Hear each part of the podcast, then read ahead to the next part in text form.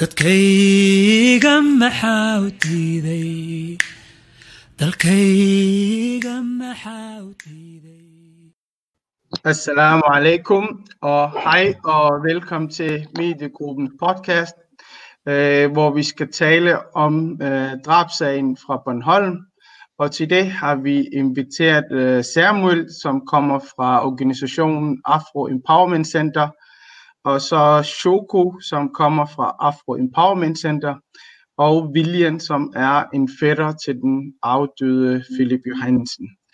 Øhm, I sidste uge faldt der en dom i den omtalte drabsag fra Bornholm, hvor to gerningsmænd blev idømt 14 års fængsel, øh, fordi de er fundet skyldige har dræbt øh, Philip Johansen.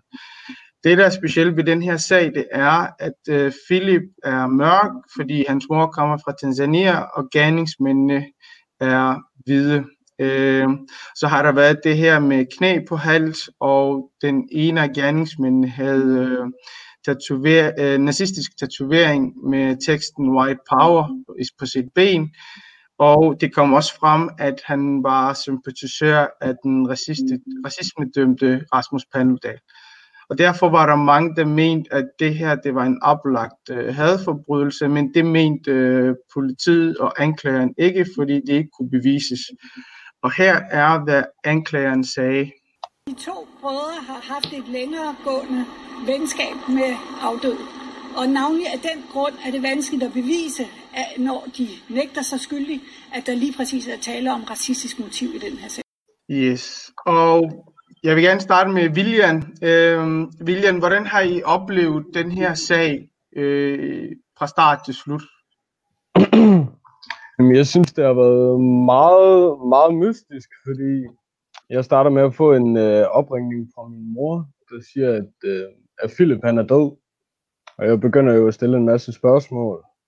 Og så øh, dagen efter, så hører vi jo, at, øh, eller ikke dagen efter, men inden for 48 timer, så kommer de jo ud og siger, at der, det ikke har noget med racisme at gøre.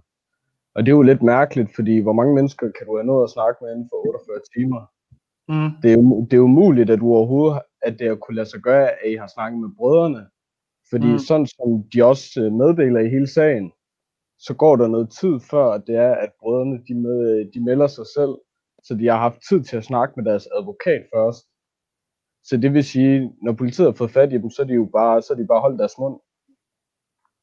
Ja. Indtil der også, også, og for eksempel sagt, at de ikke siger noget, før deres advokat kommer. Så allerede der at sige inden for 48 timer, at det ikke har noget med racisme at gøre, det får mig til at øh, tvivle på, hvordan det er, at øh, racismesager de bliver håndteret i Danmark. Fordi for mig så ser det bare ud som, at det bliver ignoreret fuldstændig. Ja. Er I blevet spurgt i forhold til de to brødre der, altså familien? Øh, jeg er ikke, øh, min mor er ikke selv personligt blevet spurgt, og jeg er ikke, jeg er ikke blevet spurgt. Øh, Philips mor, hun er jo blevet spurgt om det, men hun er den eneste, der kan sige noget, og jeg ved ikke, hvad hun har sagt helt præcis til politiet. Ja. Det kan jeg ikke snakke for. Men der, Ja. er, der, er ikke, der er ikke blevet spurgt ud i et bredere forum, for eksempel, hvordan de her brødre har været andet end Philips hvide venner. Ja.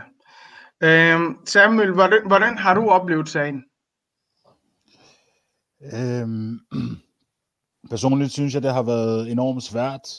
Øhm, af flere årsager. Øh, det kom meget tæt på, da jeg har gået på efterskole på Bornholm, på Blykop Efterskole, øh, som faktisk deler bålplads med, med det område, det skete. Øh, det gjorde, at det lige pludselig for mig blev enormt tæt på.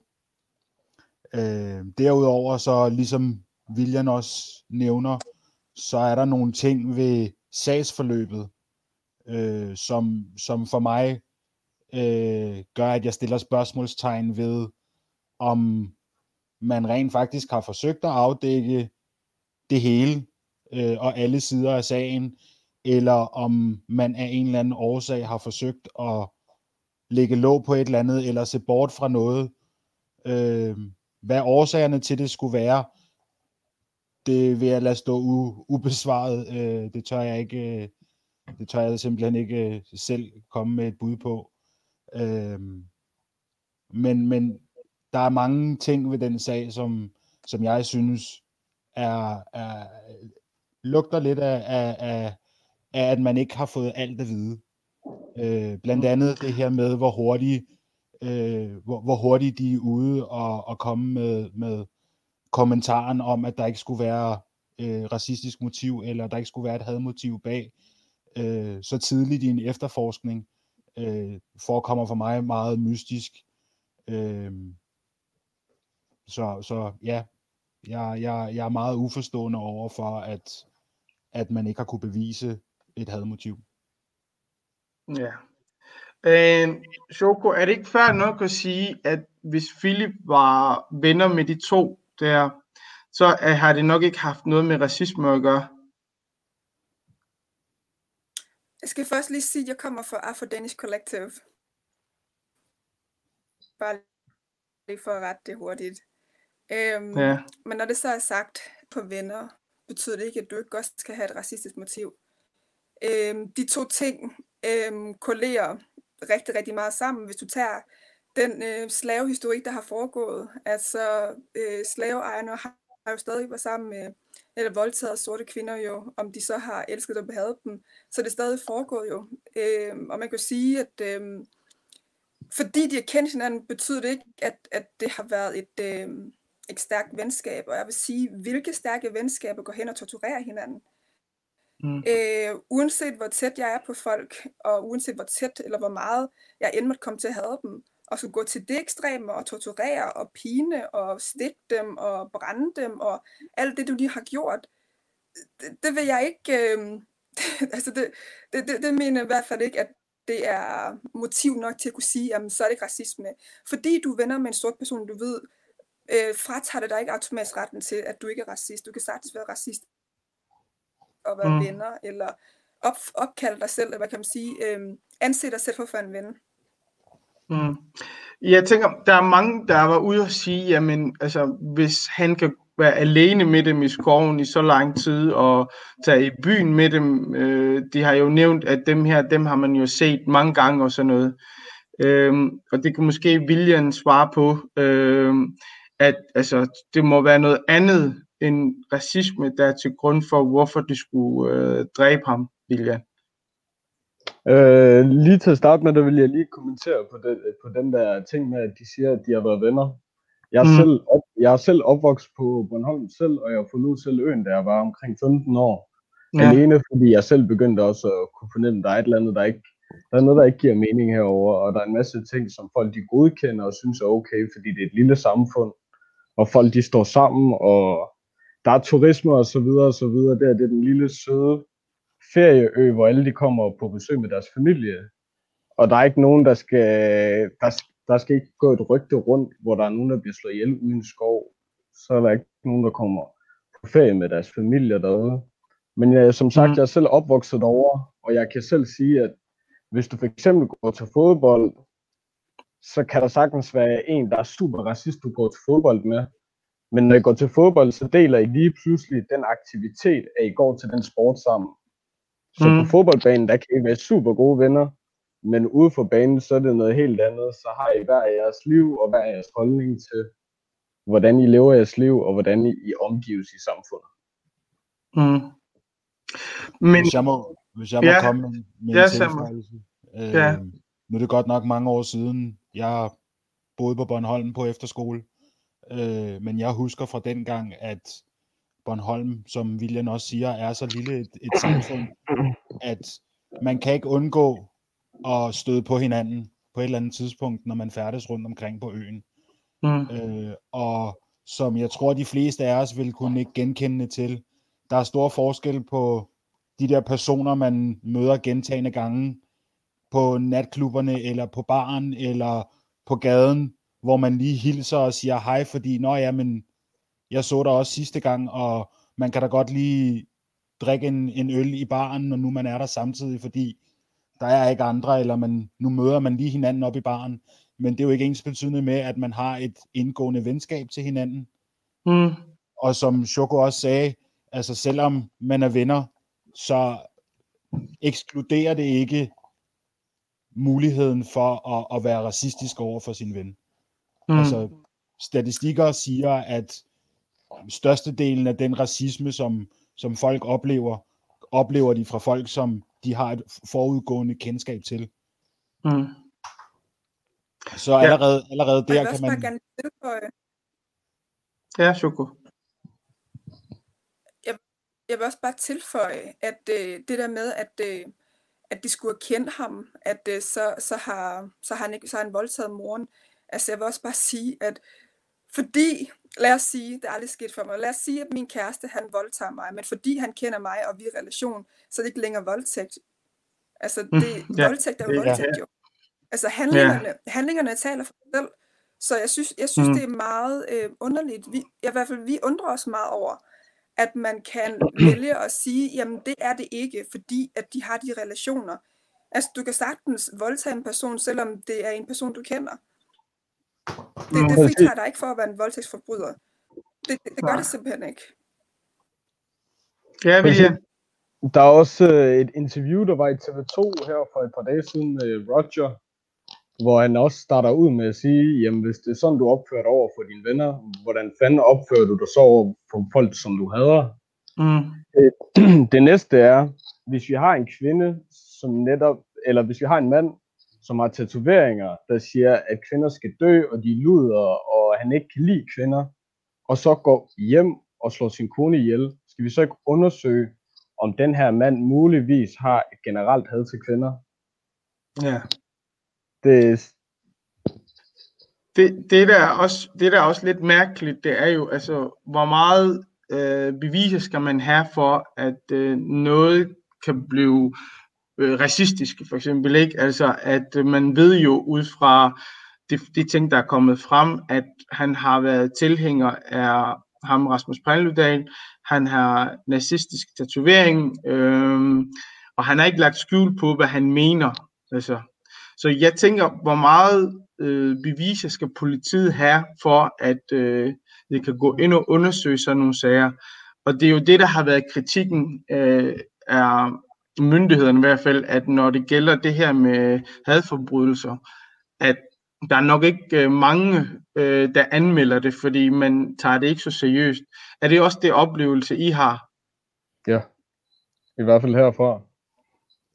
Altså, øh, hos, hos AEC synes jeg, det er det, man, man hører, når, man, når, når vi snakker med, med vores medlemmer, med vores følgere, øh, at mange har en tendens til øh, ikke at anmelde det, simpelthen fordi de har en, en, en, en, en tro på, at det enten ikke nytter noget, eller at de vil blive afvist, øh, når de forsøger at anmelde det.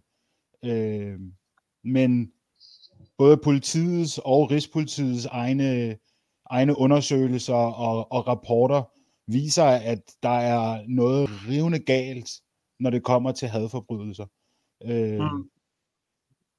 Politiet, politi, politiets øh, rapport fra 2018 øh, har registreret omkring 260 hadforbrydelser, der var racistisk motiveret i 2000 og fra 2017 til 2018 men Rigspolitiets egen offerundersøgelse viser et sted mellem 4.000 og 5.300 mennesker, som mener, at den vold, de har været udsat for, var racistisk motiveret.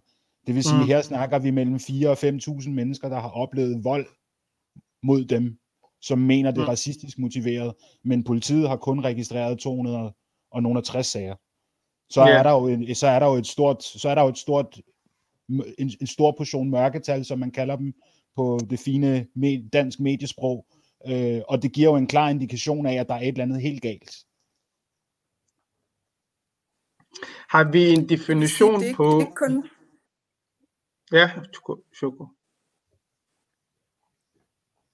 Shoko. Du må gerne.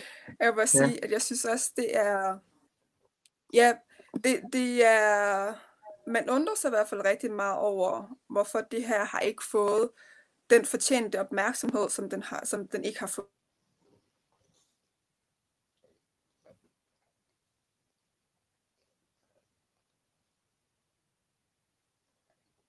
Vi kan ikke høre dig. Øh, der har været en masse underlige aktiviteter, hvor man tænker, hvorfor er det blevet håndteret på den her måde, som det er blevet gjort. Øh, og man kan ikke lade med at undre sig over jøde, om tingene så havde været anderledes. Havde der så været øh, øh, offentlige udtalelser fra vores, øh, fra vores statsminister, havde der været nogle øh, offentlige øh, udbrud, øh, fordi at det havde været en jøde. Det er bare sådan nogle spørgsmål, man, man begynder at stille sig selv.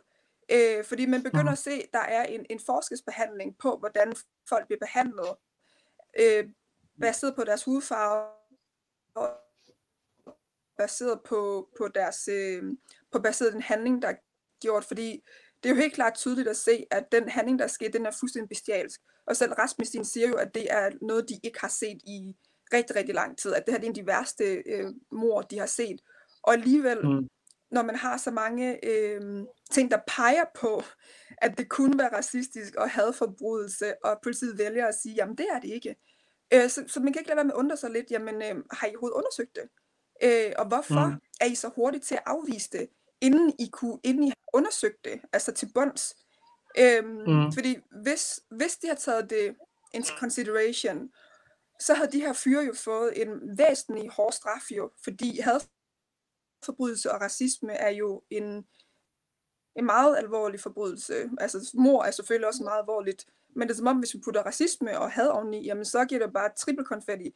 Men det har du ligesom valgt at feje under gulvtæppet, og det synes jeg er meget interessant at observere fra sidelinjen i hvert fald. Mm. Så, så sidder jeg jo med to spørgsmål. Det første må være jo, øh, hvordan, hvad er definitionen på en hadforbrydelse først og fremmest?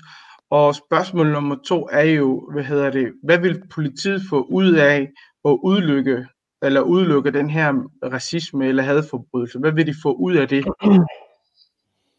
Øhm, hvis jeg skal starte med, hvis jeg skal sige, sige noget og starte med at svare Yes. på det første spørgsmål, Ja. så ifølge, ifølge Rigspolitiet selv, så, øh, så når, der skal, når, når en hadforbrydelse skal defineres, øh, eller når et hadmotiv skal være til stede, så, og det her det er taget fra en fra, fra et, et svar på en fra en politiker, som har stillet Rigspolitiet spørgsmålet om, hvordan øh, man, hvilke kriterier der skal til for, at, og, og, at det er en hadforbrydelse. Et er verbale tilgen, tilkendegivelser vedrørende forurettedes etniske oprindelse, tro, seksuelle orientering eller lignende.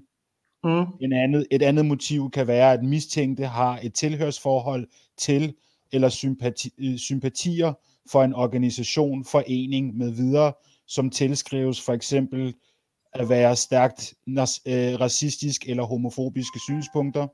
Mm. Øjeblik.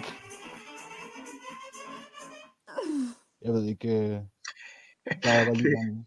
Ja. Øh, den forurettede på gerningstidspunktet har deltaget i aktiviteter, som er relateret til for, øh, forurettedes etniske oprindelse, tro eller seksuel orientering.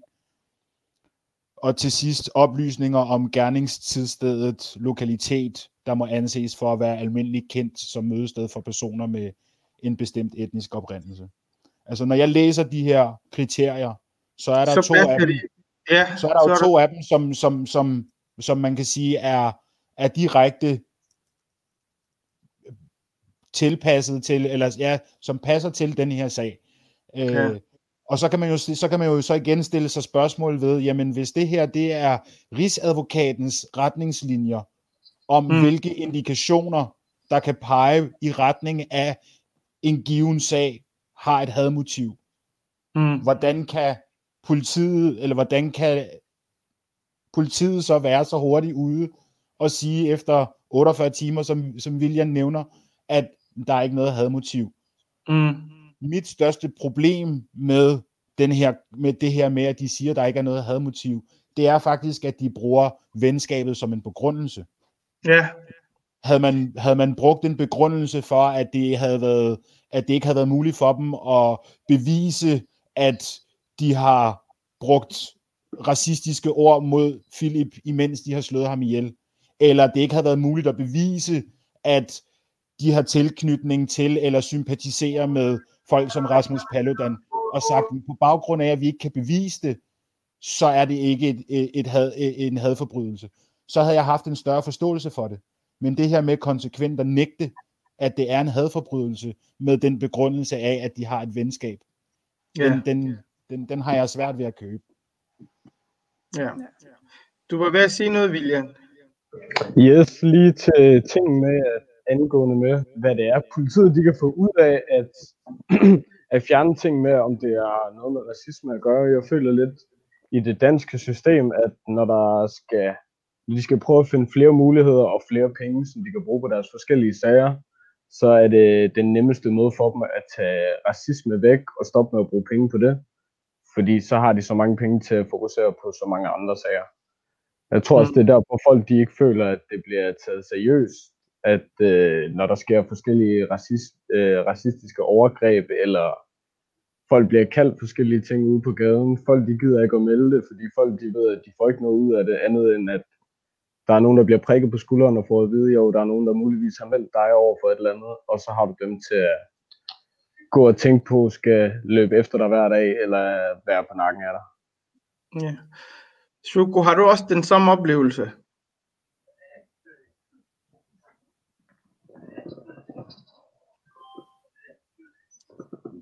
Kan du høre mig, Shuko? Man mister i hvert fald lidt modet i for... Jeg kan sagtens høre det. Kan I høre mig? Yes. Nu kan vi gøre det her. Kan I høre mig?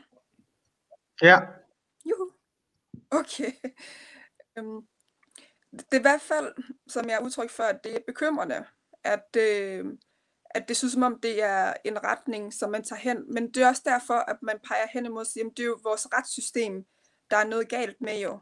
Siden man kan vælge at vrage, hvad man synes er vigtigt, og hvad man ikke synes er vigtigt, selvom nogle beviser meget tydeligt peger på en retning, og man vælger at gå stik modsatte retning. Det er meget bekymrende, og det er der, jeg tænker i hvert fald, at vi tænker fra ADC, at, at det er der, der skal nogle strukturelle øh, forandringer øh, i systemet til, at det kan blive taget seriøst.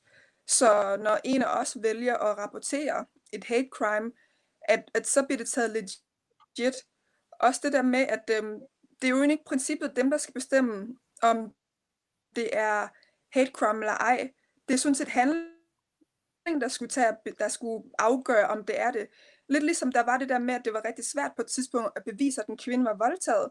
Jamen, øh, fordi hun, hun, hun føler sig voldtaget, jamen, øh, så er hun ikke voldtaget. Der skal, der skal nogle helt andre specifikke øh, ting til, for at de kan bevise,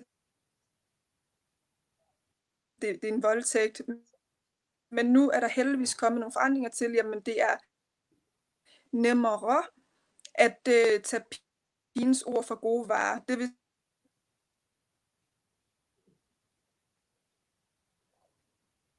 sige, jeg kan tage hvad som helst på. Det betyder ikke din invitation til, at jeg skal voldtages. Mm. Og derfor tænker jeg også, at øh, der skal nogle der skal nogle system- systemer til for at kunne gøre det nemmere forbrydelse. Og det var øh, racistisk. Derfor skal du også dømmes derefter. Ja.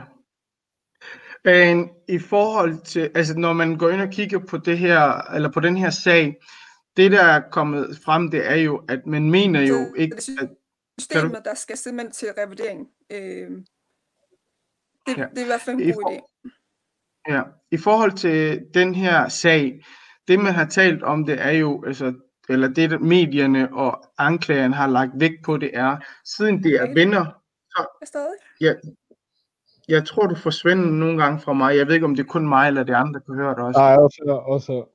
Ja, jeg tror, det er noget med internettet, men jeg vil gerne, jeg vil gerne komme tilbage til sagen, hvor vi vil gerne sådan lidt snakke om motivet, og hvordan man har fremlagt den her sag, fordi den måde, som medierne har skrevet om, og anklageren har fortalt, det var sådan, så hvis de er venner, så har det ikke noget med racisme at gøre, og så den reelle motiv har været, at øh, Philip skulle have fået lempet deres mor, og det er derfor, de var sure på ham.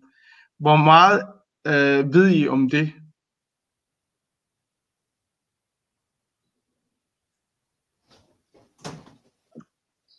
Ja, Kan jeg, lige, kan jeg lige få den igen?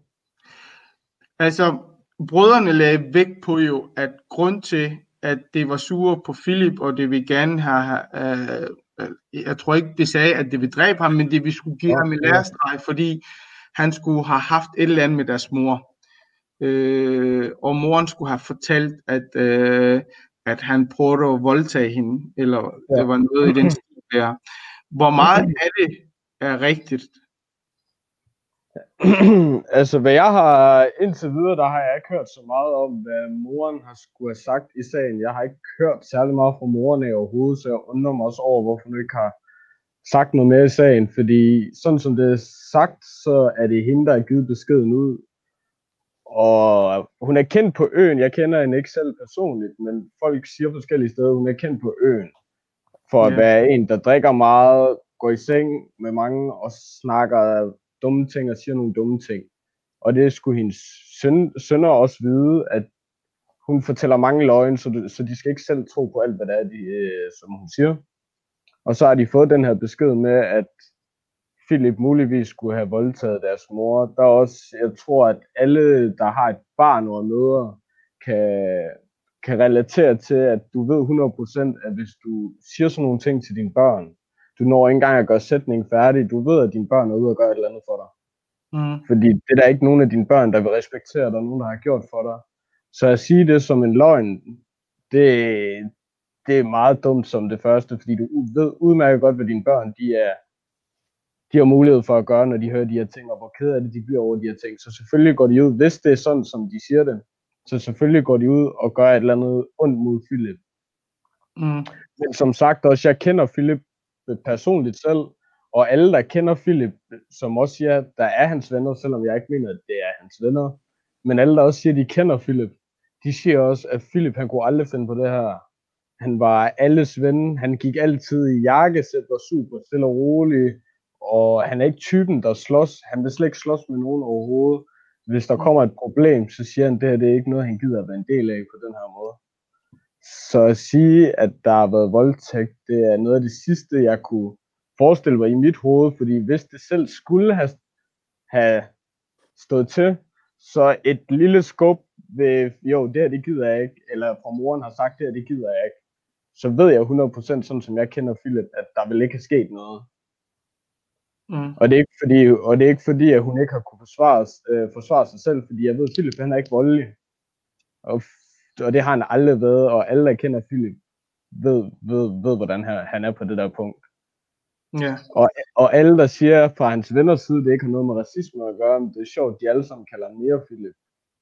Mm. Det, er en, det, er en, det er en ting, der også gør, at der kan vi slet ikke snakke racisme, fordi I ved ikke, hvad racisme er. I har gået og kaldt ham nære Philip hele hans liv, og I tror alle sammen, det er okay, men han har jo også fortalt mig, han er jo ældre end mig, så han har fortalt mig igennem min barndom også, at du netop skal ignorere de her mennesker, og du skal ikke tage dig af dem. De er bare dumme og uvidende, og de ved ikke og respekterer ikke, hvor du kommer fra. Mm. Så, når- så når de siger, at han har condonet det, eller synes, det har været okay at blive kaldt de her ting, nej, det har han ikke synes har været okay. Han har lagt et skjold på, eller har prøvet at ignorere det, fordi du har hørt det gang på gang, hver dag, hvis det hele tiden er nogen, der siger, de er nære, de er nære, de er nære, de er nære. Hvis du skal op og slås med dem hver dag, så bliver det en lang, lang, lang, lang, lang kamp. Til sidst så bliver du så ked af det, til sidst så putter du et filter på, der gør, at du ignorerer det Mm. så du, så du kan fortsætte dit liv og gøre nogle andre ting, men du begynder at ignorere det med tiden, og bare lade folk kalde dig det. Fordi Mm. ellers vil du ende med at være ked af det hver dag, og muligvis ende med at begå selvmord. Fordi folk, de kører din, din selvtillid og din personlighed så dybt ned. Da, da jeg læste det her med voldtægt, tænkte, tænkte jeg faktisk, det var lidt, øh, lidt sjovt, fordi øh, hvis man læser historien om øh, sorte amerikanere, øh, og også i forhold til det der med lynching, der er foregået i USA, nogle af de ting, de, de folk, der blev lynchet, blev beskyldt for, det var at voldtage hvide kvinder. Øh, Mm. og det er derfor, de retfærdiggør dem, at man lyncher dem. Og, og det er præcis det i forhold til den her sag, at øh, lige pludselig, der har jo ikke været noget øh, politianmeldelse, der har ikke været noget, hvor altså, der skulle dokumentere, at Philip skulle have gjort det her ting, men det er noget, der kom frem. Øh, og moren, hun har jo ikke været i retten og, og snakke om det her, Så Nej. det er, lidt, det, det, er lidt, det er lidt underligt, at lige pludselig, at voldtægt har noget med sagen at gøre. Ja, ja Samuel. Ja, det, det er sjovt, du, du, nævner det, du nævner det her. Øh, vi har i, hos AEC øh, snakket en del om det, og har snakket om sammenligningen mellem den her sag og Emmett Till-sagen fra USA, hvor, mm. den unge, hvor den unge dreng blev mishandlet og slået ihjel, fordi at en hvid kvinde havde påstået, at han havde fløjtet af hende Mm. for at hun så efterfølgende flere år efter, flere årtier, hvis jeg husker helt rigtigt, efter udtaler, at det ikke var sandt. Ja. Øh, og den her sag er, er, er en af de mest omtalte sager i USA. Øh, og, og altså, man kan ikke, man, jeg har svært ved ikke at se noget sammenligning af det her med, at jamen, på baggrund af, at en hvid kvinde kommer med en påstand, som hverken er be- eller afkræftet endnu, Mm. mister en anden person, mister en sort mand livet, og man kan ikke se hadet, fordi det var ikke sket. Altså, jeg er sikker på, personligt er jeg overbevist om, at der var ikke sket et, et, et drab, hvis Philip havde været hvid. Mm. Ja, Jeg det har er også også- en vigtig point at komme med. Ja, Choco. Det er også en vigtig point at komme med, at øh, de selv har sagt, at de bare vil give ham en lærestreg. Øhm, og lad os sige et kort øjeblik, at han havde voldtaget øh, den, den kvinde. Øhm, så kan man måske også godt forstå, at okay, så vil de gerne give Philip en lærestreg, men lad politiet afgøre så det sidste, hvis det er sådan, at øh, moren vælger at politianmelde, hvilket hun ikke gjorde. Men at lære, at lære en, at give ham en lærestreg ved at hjælpe, jamen altså, det, det kommer vi ikke så langt med. Det er jo bare øh, ren og skær bestialsk mor.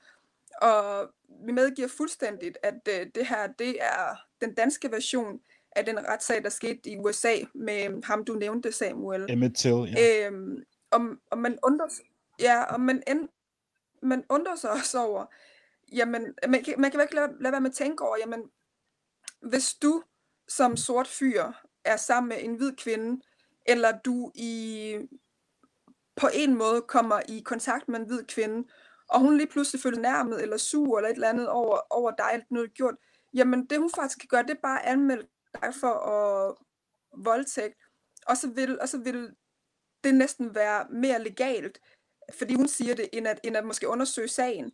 Øhm, så det er i hvert fald problematisk. Den her sag er i hvert fald meget, meget problematisk. Jeg vil Ja. også lige til Ja. lige hurtigt.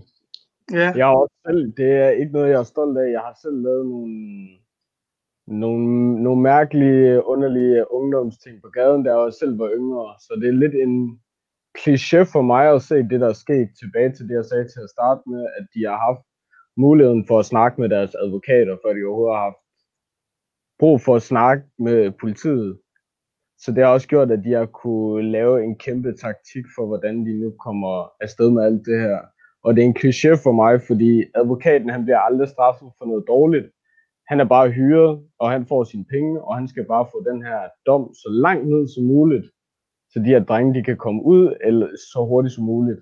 Så at smide en voldtægt ind midt ind i det hele, den er meget mærkelig for mig også, når vi netop, som du også siger, at vi ikke har hørt noget om fra moren, at hun har ringet til politiet og sagt, jeg er blevet voldtaget, kan jeg komme til lægen og få en test, Mm. for at vise, at der har været øh, en anden mand op i mig på en, på en grov måde. Det har du ikke gjort, og du er kendt for at snakke løgne på øen. Ja. Så tingene, det, hele sagen, den giver, den giver ikke mening, så det undrer mig meget over, at, at politiet ikke er gået dybere ind og prøver at undersøge mere.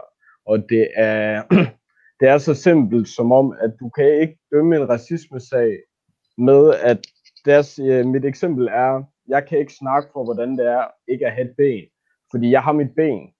Jeg kan prøve at sætte mig ind i situationen, hvordan det er ikke at have et ben, men jeg Mm. vil aldrig 100% vide, hvordan det ikke er at have et ben.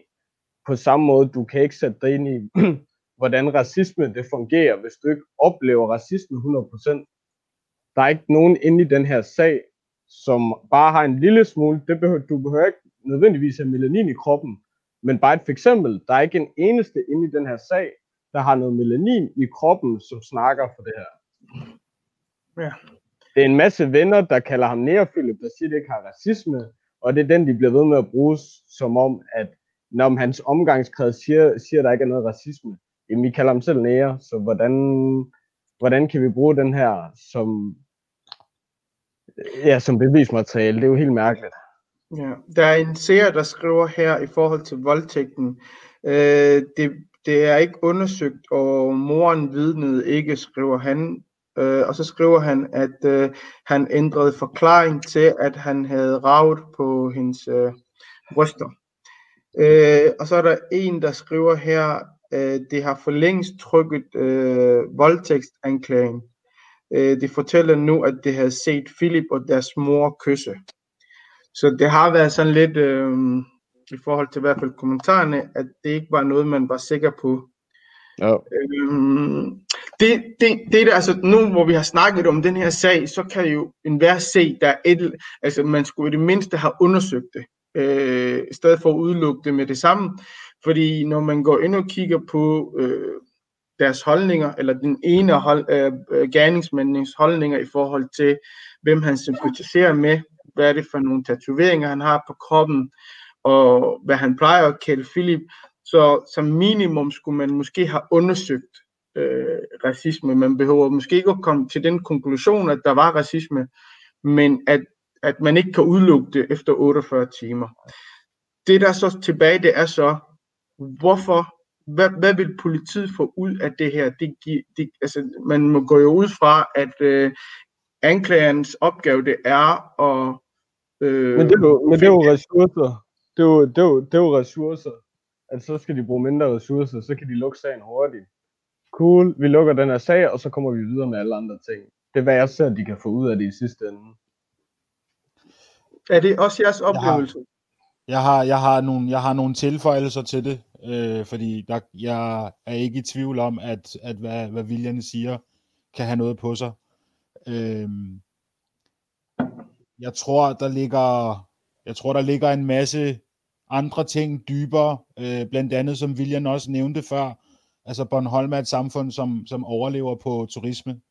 Hvis, hvis, hvis det kom frem, at der render racistiske unge mennesker rundt og slår sorte mennesker ihjel på Bornholm, og især set i lyset af alt det, der er foregået i USA, og alt det opmærksomhed, som sorte mennesker får i, i, i det her år, øh, så vil det ødelægge Bornholms omdømme i, i rigtig, rigtig lang tid. Øh, Udover det, så er der det faktum af, at man i Danmark har en tendens til ikke at vil snakke om racisme, fordi det går imod den idé, danskere har om, hvad Danmark er. Mm. Det, det, det, racisme stemmer ikke overens med det der lille, fantastiske samfund, som så mange danskere går rundt og tror, det er. Vi er et fantastisk samfund. Der er bare, vi er bare nogle mennesker i samfundet, som, som lider lidt under nogle gamle, forældede, strukturelle, nu springer jeg lidt i det, racistiske øh, øh, ting, som, som, som, som på den ene side retfærdiggør en, nogle holdninger og, og nogle måder at være på for nogle mennesker, og på den anden side nedværdiger nogle mennesker helt fra barnets ben af. Mm. Og, og, og det, det, det er simpelthen noget, som danske, danske politikere, dansk politi øh, ikke er klar til, og, og de er ikke klar til, altså de, de, ikke, de tør ikke tage den her debat, de tør ikke at kaste sig ud i det, og gøre det, som de egentlig, jeg er ret sikker på, godt ved er det rigtige. Mm. Øh, Man kan vel også nu sige, kan vi jo... at øh, Dan... Ja, Må jeg du- lige hurtigt kommentere? Ja, Øh, man kan vel også sige, at der er, lavet, der er lavet en undersøgelse, der viser, at Danmark er 40 år bagud, hvad racisme angår. Så det vil sige, at øh, alle de ting, der er sket i år, er sådan set bare små baby steps i forhold til, hvor vi hvor vi skal ende henne. Så det her, det er en lang, lang proces, og, og jeg er desværre bange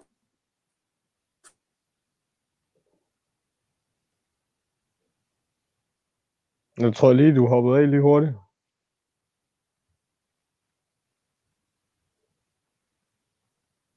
Er du her, Shoko?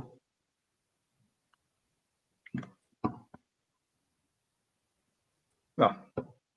Jeg tror, det er noget med forbindelsen. Øhm, men vi kan jo gå videre til næste, næste afdeling af vores program i dag, og det her med, om racisme findes i Danmark.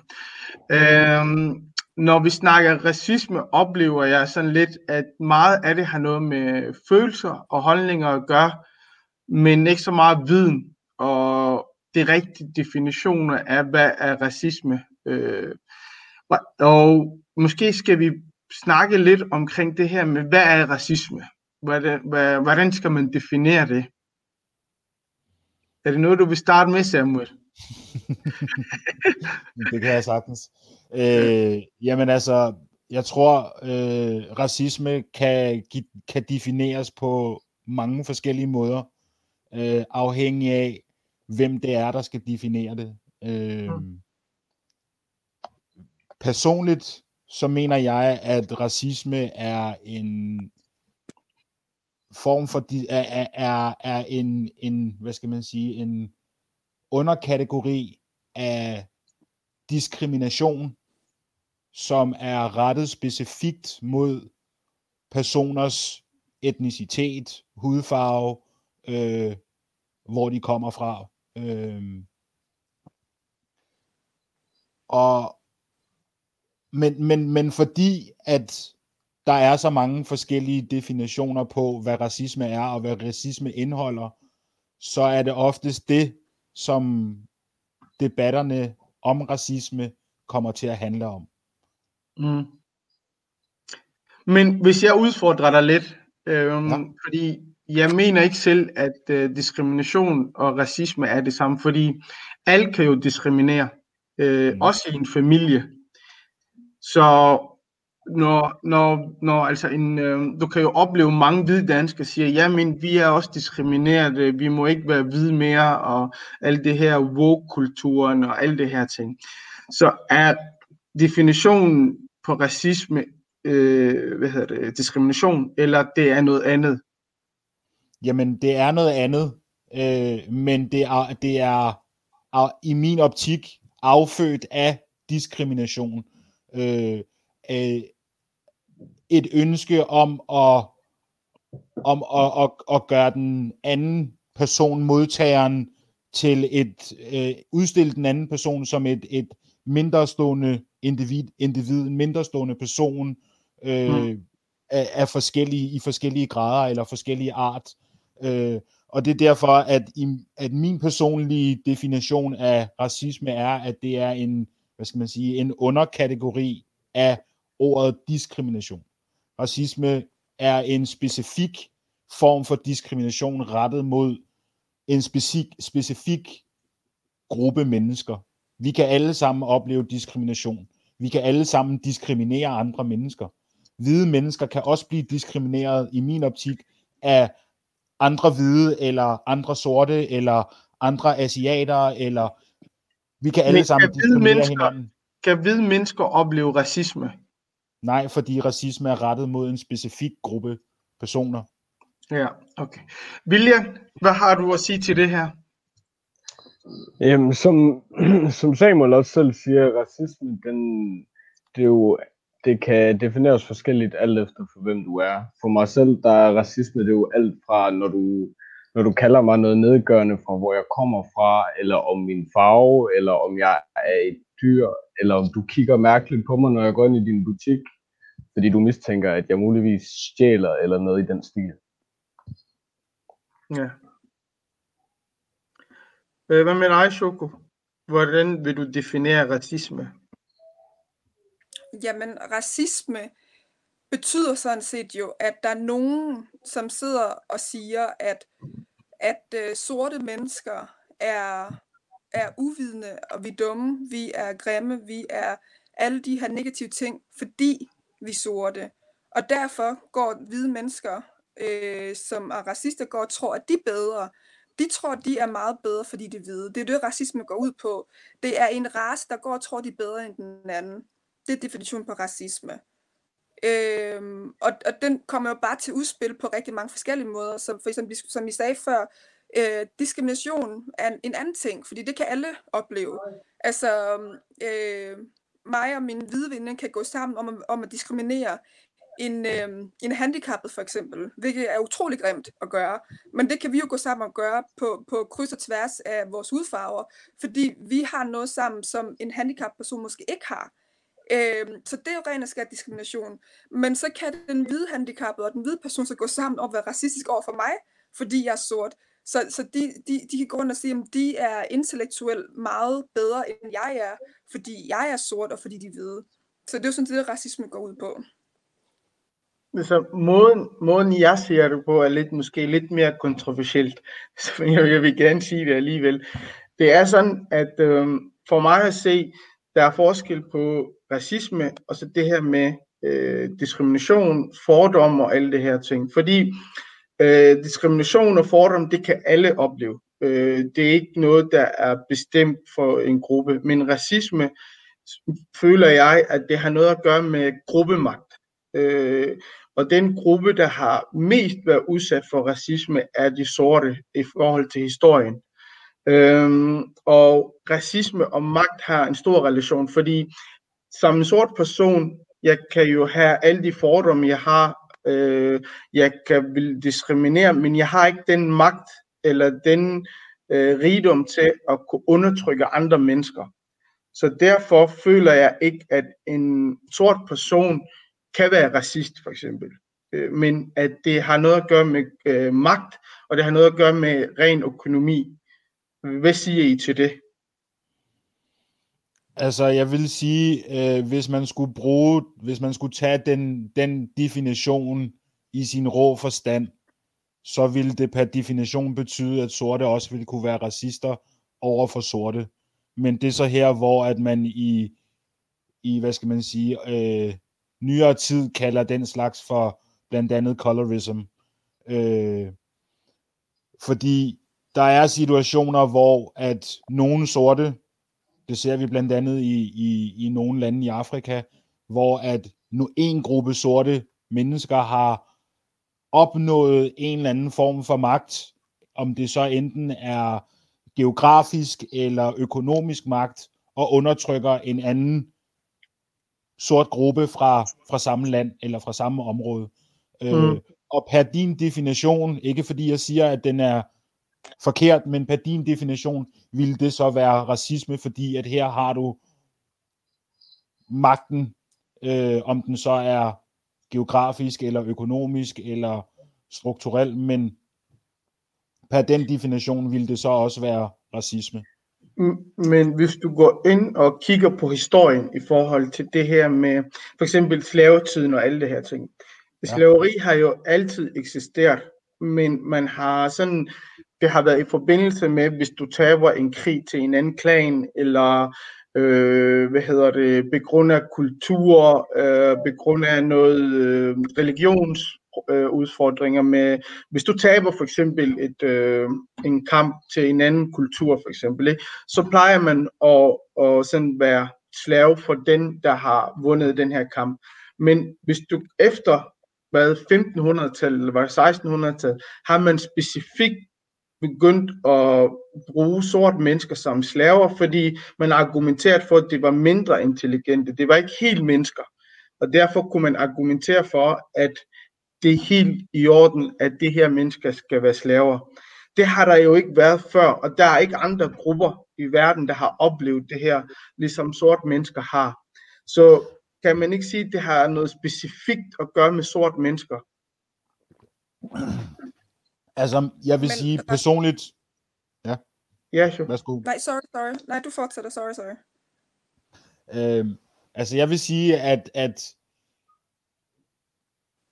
der er ikke nogen tvivl om, at sorte mennesker i verden er dem, som har oplevet racisme i størst udstrækning og i længst tid. Øh, Kan det ikke være de eneste? Er der andre grupper, der har oplevet racisme? altså, øh, Ikke flere på samme studier, det, det, det er jo racisme, men, men nok ikke på, i samme form, for ikke samme form. Øh, man ved for eksempel i USA, er der et problem med racisme mod asiater. Det er ikke noget, man taler så meget om, men det er noget, der er der. Øh, Altså, hvordan, kan, du, kan du forklare det? Hvordan er det racisme? Jamen, det er racisme i den forstand af, at ligesom, ligesom man for eksempel øh, øh, ser sorte mennesker i USA blive øh, behandlet efter stereotyper, så bliver asiater på samme måde behandlet efter stereotyper. Op, de oplever også en form for strukturel racisme. Den er tilrettet på en anden måde, men den Mm. er der. Men, men det samme kan man jo sige om hvide mennesker jo. For eksempel øh, en skaldet hvid mand med tatovering og læderjakke. Han vil jo også kunne opleve, at han bliver øh, opfattet på en anden måde. For eksempel en rockertype-agtig. Det er, jo, det er jo noget, alle kan opleve. Men, men er det det samme som racisme? når Nej, den er, er stru- det ikke. når den, når den er, struktur, når den er strukturel, så er, det en, så er det en racisme, fordi den er baseret på personens herkomst, hvor Ja. personen kommer fra, hvordan personen ser ud, noget som, en, noget som individet ikke har noget at kunne, altså de, har- som sort person, du kan ikke tage farven af og vælge, at i dag vil jeg ikke være sort, ligesom en asiat heller ikke kan vågne op en dag og så sige, jamen i dag vil jeg ikke være asiat, der vil jeg ikke udsættes for de stereotyper og for den diskrimination, jeg oplever. Så du, så du mener, inden vi går videre til, øh, hvad hedder det, det er, at alle kan opleve racisme, altså, by definition. Nej, jeg mener ikke, at alle kan opleve, kan, kan opleve racisme per definition. Okay. Choco, du var ved at sige noget? Ja, altså racismen handler jo decideret om powerstruktur jo. Øh, magtstruktur. Ja. Racismen blev skabt af den hvide mand for at kunne kontrollere og underminere den sorte mand. Det, det er jo rent historisk. Det, det er der racisme kommer af. Det kommer race og isme som ideologi. Så de har jo haft en ideologi, der hedder, at sorte, de er dumme. De, det eneste, de kan, det er arbejdskraft. Derfor har vi ret til at bruge dem, som vi vil. Mishandle dem, men voldtage dem, øh, dræbe dem, slagte dem, whatever. Vi kan gøre det, fordi vi er klogere. Vi er den overlegne race. Derfor er vores race superior til den sorte. Og det mm. er en Mm. ideologi, de har taget med sig øh, generationer efter generationer efter generationer til, hvor vi er i dag sådan set. Øhm, og rigtig mange hvide mennesker kan ikke lige blive kaldt for racist. Altså det, det er virkelig det store tabuord, du overhovedet kan bruge. Øh, og jeg tænker også, at det kan noget med at gøre, hvor, derfor at den danske regering har rigtig svært ved at tage det her ord i munden og, og gøre op med racismen, som eksisterer i Danmark. Fordi øh, når vi så også breaker det down til, at øh, racisme, hvordan den kommer til at påvirke vores arbejdsgang, øh, vores sociale liv, vores, øh, vores muligheder. I Danmark har vi lige mulighed for at få en uddannelse, 100%. Men så kommer så det næste punkt, jamen hvis du kommer fra et andet hjem, hvor du måske ikke har været vant til, at man snakker om, at du gerne vil være lærer doktor, og du så kommer i skolen, som jeg vil gerne være læge, så kan din lærer måske godt gå ind og kigge på sig, ah, tror du ikke bare, at du skal være rengøringskone i stedet for? Fordi der har været en, en tilgang til, eller skal du ikke være social- og sundhedshjælper? Fordi man har en tiltro til, jamen, jamen det er jo det, de sorte gør, men det er jo det, anden etniske gør. Øhm, og det kan måske være helt uskyldigt, men det er jo stadigvæk racisme at gå og tro, at, at vi sorte eller anden etniske kun kan gå ind og være af sociohjælpere, vi ikke kan være advokater, vi ikke kan være store filmskaber, vi ikke kan være dit og datten. Så racisme har helt klart noget at gøre med en powerstruktur, som handler om, at du som hvid menneske har en magt over mig. Igen, hvis øh, en hvid person laver præcis samme type forbrydelse som en sort person, jamen øh, så er chancen for, at den sorte person bliver straffet hårdere øh, mere tydelige. For eksempel, i hvert fald i USA. Jeg, jeg ved ikke, om den er sådan i Danmark. Jeg, jeg tror og håber ikke, at den er kommet til det punkt i Danmark endnu. Men vi er som småt også stadigvæk 40 år tilbage, øh, hvad racisme angår i hvert fald. Ja. Øh, der, der er en, der skriver, øv, jeg har jødiske baggrund, romer i Østeuropa og sydpå, muslimer her, racisme er magtfuld diskrimination med folkets baggrund som undskyldning. Racer findes jo ikke. One love. Så jeg ved ikke, hvordan I vil fortolke det. Altså, jeg vil godt give ham ret. Altså, for at være plain, der findes kun én race, det er menneskerasen. For at bare sige plain, there's only one race, that's the human race. Det kan vi alle sammen godt være enige om. Eller det kan vi fire måske i hvert fald være enige om. Vi er en race, det er menneskerasen. Men, når vi så går et, et, et spadestik dybere, jamen så går man jo hen og differencierer hinanden. Hvordan ser man ud? Øh, du er sort, jamen du er hvid, jamen du er, du, du er anderledes, eller du er asiatisk, du er arab, du er afrikaner. Jamen så går man lige pludselig ind og bedømmer hinanden anderledes på, på den baggrund. Vi ved alle sammen godt, at vi er mennesker.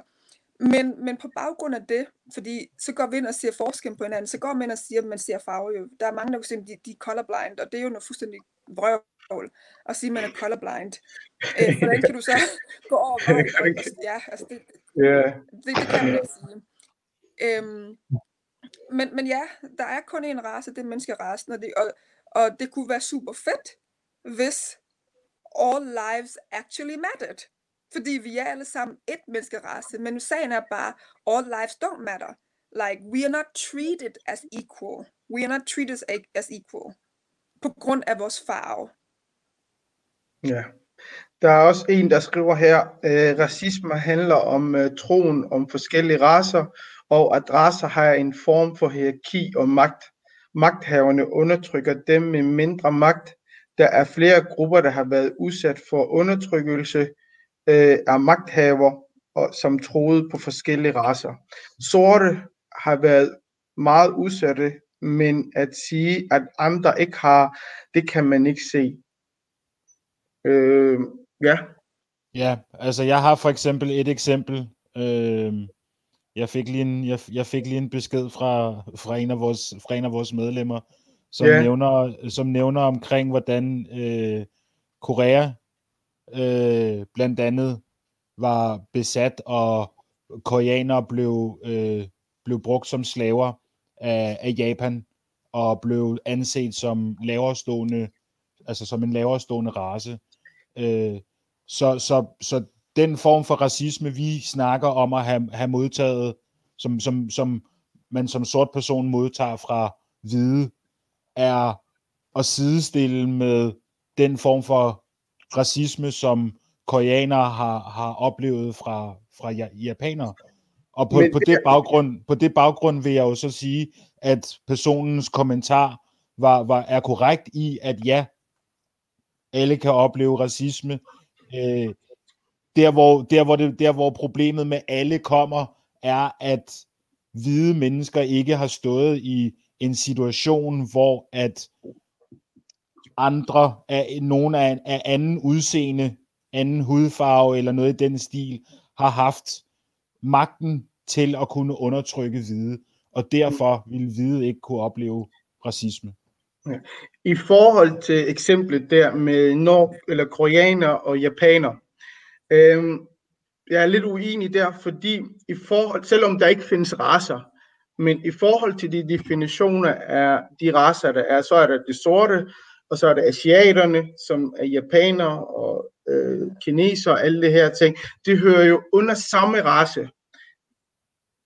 Ja, der skal du bare huske på, at den definition er jo, den, er jo definitionen lavet af europæere, hvide europæere, og ikke den definition, som japanerne for eksempel har haft. Fordi Men- Men... ligesom, ligesom, ligesom europæerne har haft deres definition for at kunne retfærdiggøre de ting, som de har valgt at gøre, så har japanerne på ligeledes haft deres definition for at kunne Men retfærdiggøre tror du, men tror du, at japanerne øh, mente, at koreanerne var mindre intelligente, og det er derfor, de skulle være slaver, eller det er fordi, de har tabt en krig. Ikke fordi de har tabt en krig. Det vil sige, de mente, at koreanerne var mindre intelligente, og det er derfor, de skulle være slaver. Ja, og det var derfor, at, de for, at det var derfor, at japanerne fortjente det jord, fordi det gjorde koreanerne ikke. Okay. Okay. Ja, men det er vi bare lidt uenige, men det er helt fint. Ja, men det, det, er, det er helt okay at være uenig. Det er sådan, man også lærer af Ja, hinanden. Ja, fordi jo, altså, der er jo rigtig mange definitioner på racisme. Der er det her ideologiske racisme, som nogen er inde på det her med, at der er nogen, der tror på, at der er forskellige racer, og der er hierarkier, og så er der de, de, for, øh, de forbinder diskrimination og racisme, hvor de snakker om, at, øh, at bare fordi nogen har magt eller sidder i en position, så begynder de at diskriminere andre mennesker. Men, men når jeg går ind og kigger på, på racisme, så har det noget forbindelse direkte til at øh, sorte mennesker. Fordi sorte mennesker er jo blevet slavegjort af næsten alle. Det er ikke engang kun hvide mennesker. Øh, I Asien har man brugt dem som slaver. I Nordamerika og Sydamerika har man også brugt dem som slaver. Så det er noget, der er specifikt til sorte mennesker. Men ja, der, der er vi måske lidt uenige der. Hvis jeg, skal, hvis jeg, skal, hvis jeg skal, skal komme med et modsvar til dit argument en lille smule, så Ja. blev hvide skotter også brugt som slaver. I, Ja, under den andre hvide? Ja, ja, under den transatlantiske slavehandel.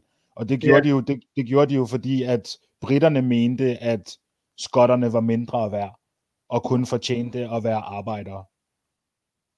Mm. Men det Ja. har noget at gøre med deres nationalitet. Det har ikke noget at gøre med deres farve at gøre. Det er jo kun Mhm. fordi, de var skotter. Fordi hvis de havde været tyskere, havde det været noget helt andet. Hvorimod sorte, uanset om du kommer fra Sudan, du kommer fra Sydafrika, om du kommer fra Kenya, om du kommer fra Nigeria, du er stadigvæk sort. Og derfor bliver du stadig behandlet som, som less a human. Hvor hvis du er skotter, eller ir, eller englænder, jamen du er stadigvæk hvid jo. Jo, men, men om, du, om, om, om du er hvid, kan, kan, gør, af, kan, du, kan du, altså fordi en person er hvid, kan du ikke afgøre, om personen er skotter eller ir eller britter. Øh, så, er så, så man der, har, point. man har jo taget, man har jo taget, men, men man har jo stadig taget en gruppe mennesker fra et bestemt område og så sagt, jamen I er mindre værd end os andre, så derfor så det eneste, det eneste I fortjener, det er at arbejde for os for ingenting. Men de er stadigvæk hvide mennesker. Det, det, det er der forskellen er. Det er stadigvæk en gruppe hvide mennesker, der sad en anden gruppe hvide mennesker, og midlertidigt gjorde dem som slave, fordi de var irer. Jo, men, men, men på den måde, så på, hvis, hvis, hvis, man skal, hvis, man skal bruge den, hvis man skal bruge den definition, så, altså, så, vil du, så, så vil det betyde, at hvis en, at, at, at de sorte mennesker i Afrika, som stjal andre stammefolk og solgte dem til, til, til, de, hvide, til de andre hvide slavehandlere, eller til andre slavehandlere, de var så heller ikke slavehandlere. De handlede jo netop med Selvfølgelig var slaverne. de det. De var også slavehandlere, men der er stadig forskel på, at de tog det som slaver, og som hvide gjorde som slaver. De havde helt andre baggrund for at gøre det. De havde helt andre, øh, hvad kalder man det, hensigter. Motiver. Andre motiver til at gøre det, ja. Uh, Ja. Men, men, andre men motiver, ikke, som, som, du også selv, som du også selv nævnte. Når sorte folk tog hinanden som, som slaver, så er, det, så er det ofte fordi, at de har været i en kamp, og de har mistet deres by, eller de har tabt i en kamp. Derfor har du ret til at tage dem. Når de hvide mennesker kom, så, så handlede det om, at de skulle bruge dem som arbejdskraft, og, og splittede dem fra deres familier, og tog dem til øh, Europa, tog dem til øh, Amerika, hvor de nu tog dem hen, eller hvor andet det var. Hvorimod, nu var det, øh, undskyld hvad?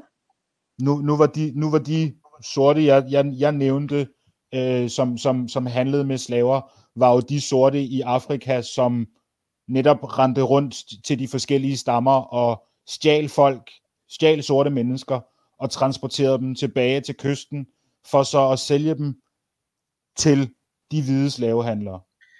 Ikke Men- men, fordi at men- de havde ikke fordi de havde kæmpet øh, en krig om et område og da, da den, den ene stamme havde tabt, men simpelthen fordi de stjal mennesker, kidnappede mennesker og transporterede dem til men kysten. du. Samuel, du vil jo altid finde nogen, der er opportunistiske og prøver på at opnå en vis formue ved at lave noget øh, kriminalitet, kan man også kalde det.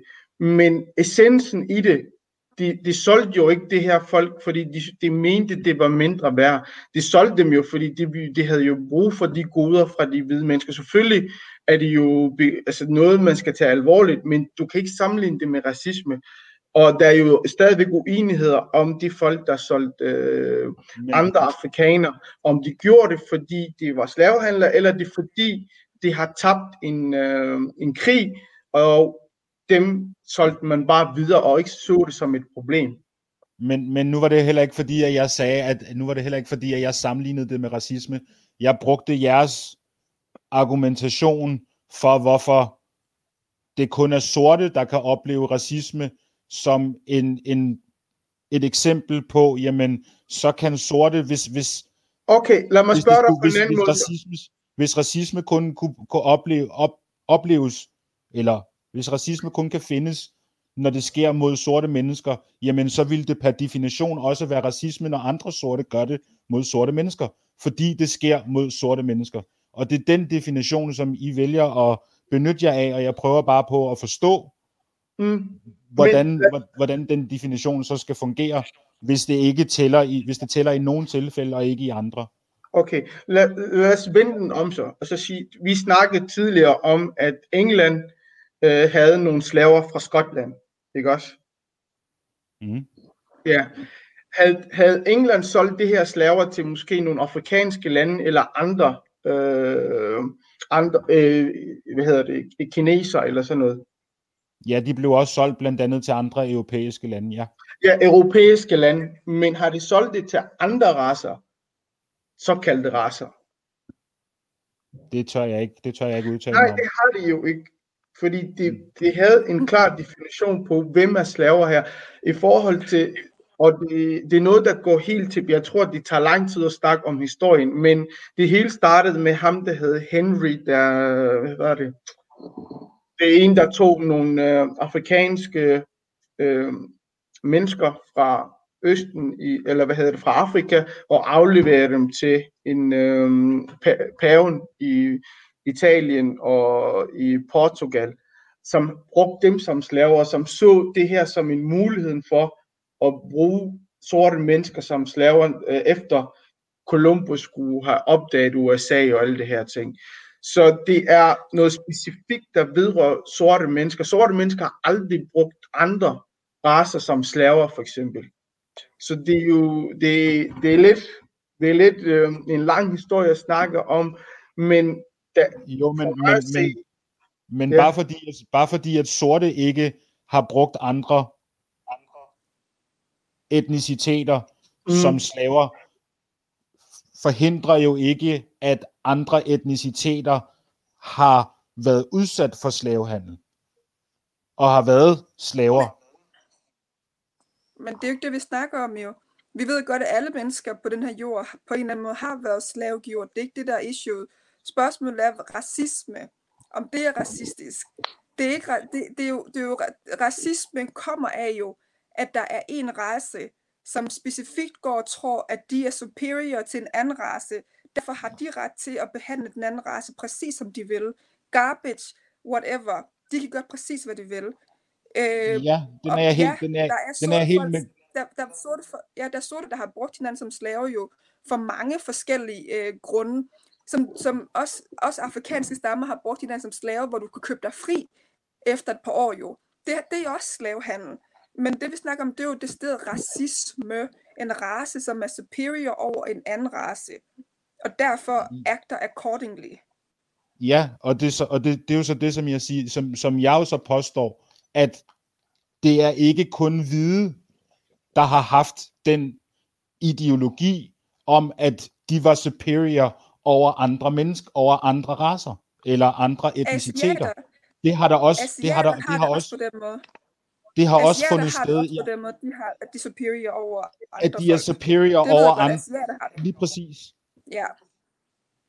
Og man har set Men det samme, omkring- man har set det, man har, man har set det samme inden for, inden for den arabiske verden, at der er nogle ja. områder, som har set sig selv som superior over andre områder, andre grupper af, af, af den arabiske verden.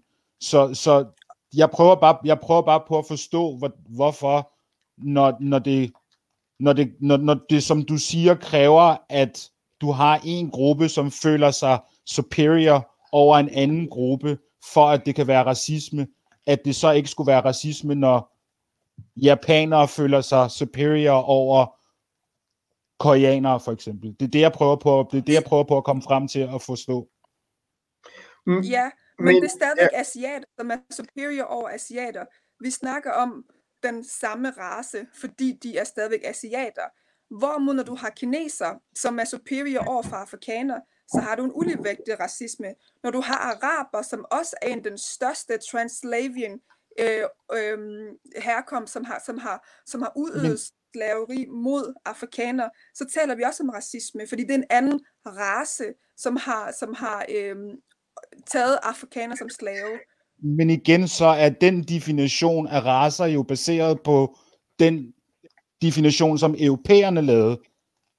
Så det vil sige, du bruger europæernes definition af race og siger, jamen japanere og koreanere er den samme race, fordi det er de ifølge den europæiske definition. Men tager ikke højde for, om japanernes definition siger noget andet. Japanernes definition kan sagtens have været, at koreanerne er af en anden race. Men tager vi højde for, at Det, Ja, men tager vi altså- højde for, at Afrika er et kontinent med over 50 lande, og alligevel så bliver, så bliver race og racisme alligevel defineret på sorte, og sorte bliver en betegnelse af et helt kontinent, hvor der er så mange forskellige lande. Jo, men, men hvor, hvor, hvor, hvor, hvor får du definitionen af, at racisme kun er rettet mod sorte? Fordi Det- det, det- det, det, det- måde, det er skabt Det, på. er det, jeg har, Det, det, det, det, det er det, det er skabt af jo. jamen, den er, jo ikke, den, den er jo ikke skabt af sorte, den er jo skabt af en, en, en ideologi om, at, nogen, at, en, at en race er bedre end en anden. Ikke det er nødvendigvis, ikke nødvendigvis, det. Det er, jo det, det, er, jo- det er jo den hvide mand, Men- som du selv siger, det er jo det er en europæisk definition. Det er dem, vi bruger jo. ja, det, det, det, det, det, det, det, du bruger, men der har jo også været andre, de- der har også været andre definitioner andre steder i verden. Hvilke definitioner? Hvilke definitioner? Kom med dem. Jamen, det er det, jeg siger til dig. Japanerne havde en definition om, at koreanerne var, en an, var, var, et, an, var et andet menneskefærd, og derfor et lavere stående og, og mindre intelligente. Og derfor mente de, at de havde ret til det område, som koreanerne bosatte. De tog Ja. området, og så gjorde de koreanerne til, til slaver. Men, men det jeg tænker på nu, ikke også, når vi ikke selv kan blive enige om, hvad racisme er, ikke? Hvordan skal vi så forvente, at øh, etniske danskere skulle sådan forstå det her? Jamen, det, jeg har ikke Det er nogen forventning om, jeg har ikke nogen forventning om, at de kan forstå det. Okay, hvordan løser vi så problemet så? I min optik, Ja, i min optik så er, er den, eneste, den eneste måde, eller den måde, vi løser problemet nemmest på, er ved at forstærke os sorte folk af, folk af farve øh, i Danmark, og forstærke os i den form af, at om nogle år, så er vi også repræsenteret i de steder, hvor beslutningerne bliver taget, hvor uddannelserne bliver, bliver, bliver, bliver bygget, øh, og, og på den måde laver om på tingene. Fordi vi bliver ikke, hørt, vi bliver ikke hørt, når vi snakker. Vi bliver ikke, heller ikke hørt, når vi råber.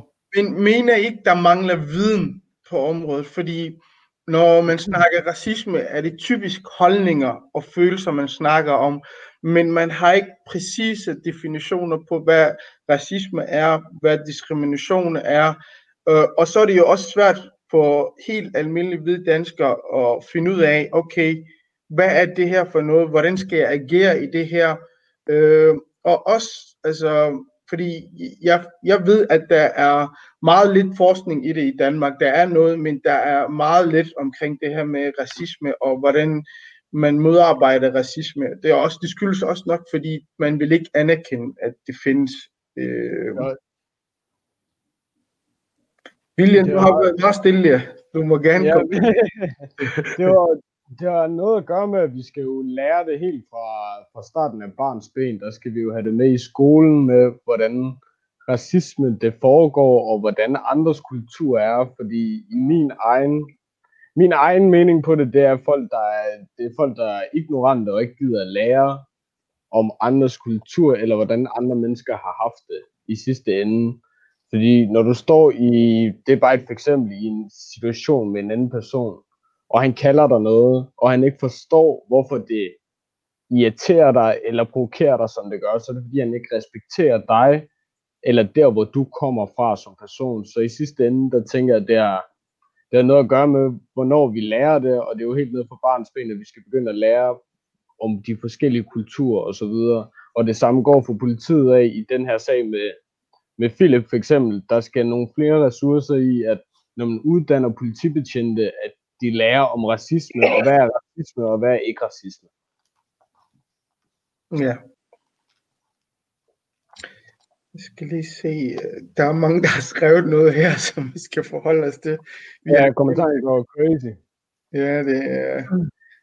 Øh, der er rigtig mange kommentarer her.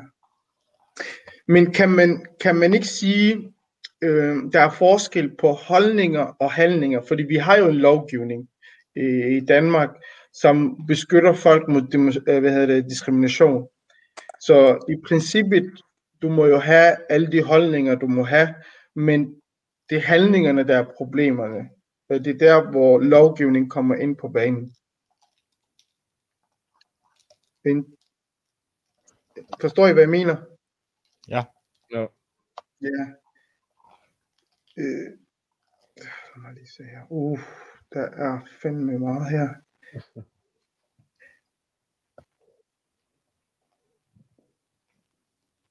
Øh, han må ikke han må forholde sig til emnet. Vi snakker ikke om jøder. Nå, okay. Øh, øh, at have slaver har altid eksisteret, men at lave systematisk handel, som araberne har gjort, og europæerne, er ikke det samme. Øh, det er også noget af de ting, vi har snakket om. Øh,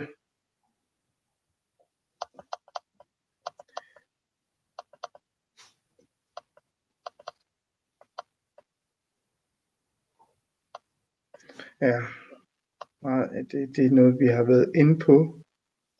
Øh, Men kort, men kort sagt lige hurtigt angående øh, sagen på Bornholm, ja, Og der er også en, der skriver her i kommentaren, jeg har mødt en ældre herre fra Bornholm af. Han siger, at moren er kendt for at lyve på øen, og han mente, at hun sagde, at Philip havde voldtaget hende for at dække over drengene. Nu ved jeg godt, rygter bare er rygter, men det er bare lige for, at nu er der også en i kommentarfeltet, som også bare confirmer det, jeg lige sagde. Mm. Ja, men det er lidt svært at, at tale om det, når vi ikke ved så meget omkring, hvad moren har sagt. Præcis, præcis. Og også, altså, det er lidt svært at snakke om en person, hvordan det er i virkeligheden, når man ikke sådan, når det ikke har været ude i medierne at sige, så vi kan ikke sige, Præcis. at hun er Nej, det, det er det eller det andet. Så, men ja, altså, man skulle jo måske have givet en klage til politiet, hvis de ting har sket jo. Øh, Det er det. Ja. Jeg tror meget af det har vi været inde på. Er der noget, I vil tilføje til det her? Altså, Øhm, ja, altså, jeg vil sige, øhm, på, grund af, på grund af sagen, så Ja. har, har vi hos øh, AEC valgt at tage kontakt til Rigspolitiet for at få Ja. en, en, en klar forklaring på, hvilke kriterier der skal til, for at politiet, vil, at politiet vælger at efterforske en, en, en, en hadforbrydelse, eller mm. vælger at definere en forbrydelse som en hadforbrydelse. ja. Øh, det har vi gjort af, det har vi valgt at gøre af flere årsager. Øh, et for at få en, i håb om at få en bedre forståelse for, hvad der har ligget til grund for sagen med Philip på Bornholm, Ja. men lige så vel for også at give andre folk af afrikansk afstamning i, i Danmark en mulighed for at vide, hvad det er, hvornår de vil kunne anmelde en hadforbrydelse, hvornår sagen er af en karakter, så politiet vil gøre noget ved det, og hvornår det ikke er. Mm. Netop for at komme den her forestilling og den her idé om, at det ikke nytter noget at gøre det alligevel til livs. Mm. Mm. Øh, fordi det er også en af problemerne. Jeg tror, der sker meget mere racisme i Danmark, end de 260 sager, eller for den sags skyld, de 4-5.000 voldssager, der muligvis har haft racist, racistisk mo- motiv. Øh, jeg tror, det sker meget oftere i dagligdagen, øh, men som William også nævnte før, når det sker så ofte, så ender man med at tage et filter på, og så vælger man bare at sige, nå ja, okay, øh, nej, det nytter ikke noget lige nu. Jeg kan ikke Mm. overskue det. Og så Mm. går man videre med sin dagligdag. Ikke? Mm. øh, hvor vi tror, at med et værktøj, med, med, med viden om, hvornår, hvor grænsen går hen, og hvornår det er en hadforbrydelse, og hvornår det ikke er, vil give os en større magt over, hvornår vi rent faktisk kan få, få folk retsforfulgt for, for de forbrydelser, de laver mod os. Ja. Shoko, du var ved at sige noget?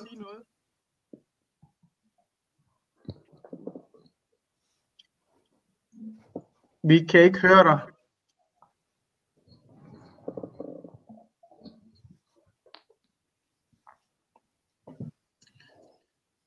To, to sekunder.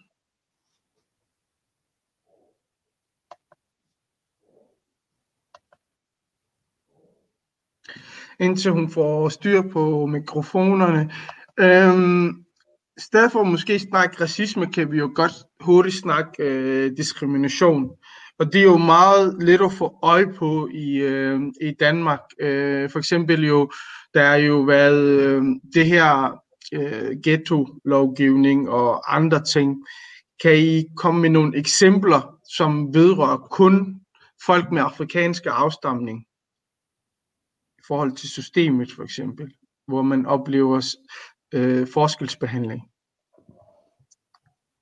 Altså jeg vil sige, det er måske lidt svært at, at, at komme med eksempler, som kun rammer folk af afrikansk afstamning.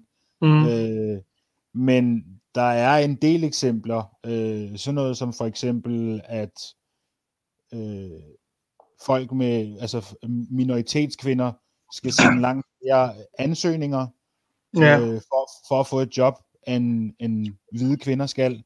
Mm. Øh, og, og når de så ikke får et job, så kommer de på kommunen og bliver beskyldt for ikke at ville have et, eller så bliver manden beskyldt for ikke at ville have, at kvinden arbejder.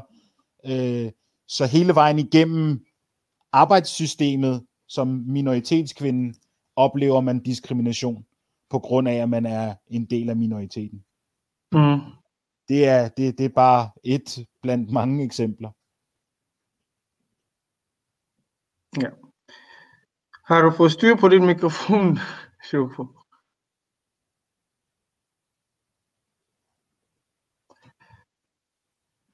Jeg tror ikke, vi kan høre dig mere.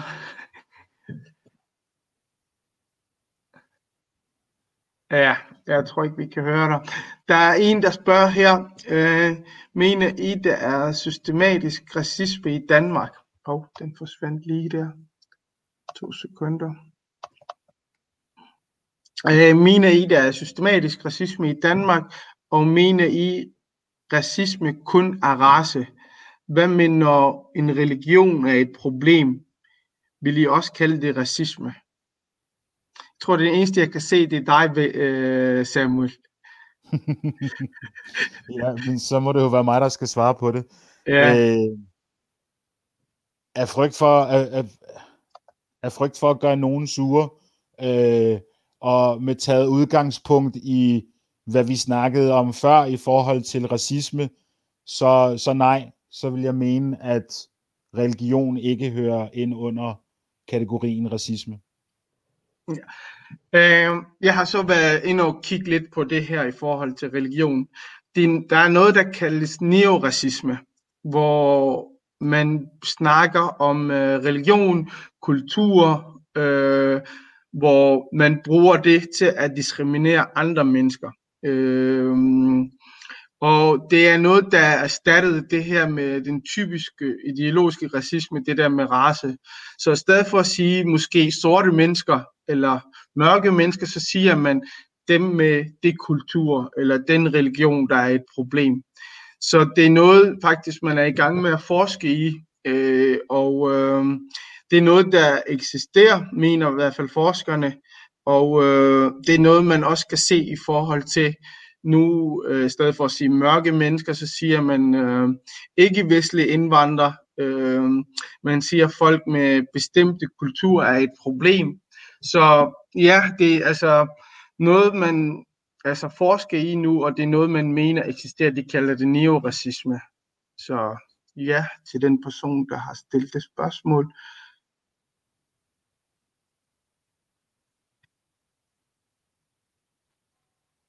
Der er en, der skriver her, øh, jeg deler frustrationen over niveauet, altså ikke for at skælde ud på aktivister overhovedet, savner bare mere kvalificeret udgangspunkt. Forstår du, hvad hun mener? Ikke helt, nej. Øhm, så bud på, hvad man kan gøre måske. Øhm, fordi jeg tror, øh, li, altså jeg har op, altså hvis du også snakker med Rasmus Paludan, ikke, så vil han ikke er, erkende, at han er Det kunne jeg ikke drømme om at gøre. Vil- han, Ikke engang om jeg så blev betalt for det. Men han vil jo selv ikke erkende, at han er racist jo.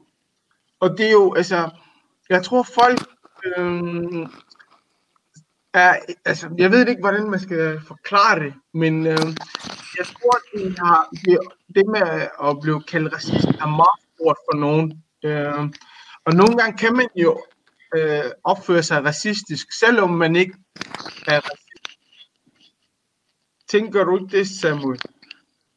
selvom man mener godt, så kan man sådan... Altså, der er, der er, jo, jeg vil, jeg vil sige, der er der helt klart situationer, hvor at folk, hvor, hvor personligt jeg har oplevet, hvor hvide mennesker i deres forsøg på at forstå mig, eller række ud til mig, eller øh, vil vide mere om mig, øh, og, og forsøger ikke at være racistisk, egentlig ender med at være mere racistiske. Mm. Øh, men jeg tror, det er svært, øh, hvis jeg sådan skal gå lidt tilbage, hvis jeg forstod, hvad det foregående spørgsmål handlede om. Øhm, så tror jeg, det er svært at finde en specifik ting, man kan gøre for at, at, at, at fikse problemet. Øh, problemet er, at problemet skal, skal, skal fikses på, på mange forskellige plan, øh, og skal ramme rigtig mange mennesker, før det er noget, som vil have betydning. Øh, Kan I høre mig nu? så kan jeg Ja, rigtig godt høre dig. Yay!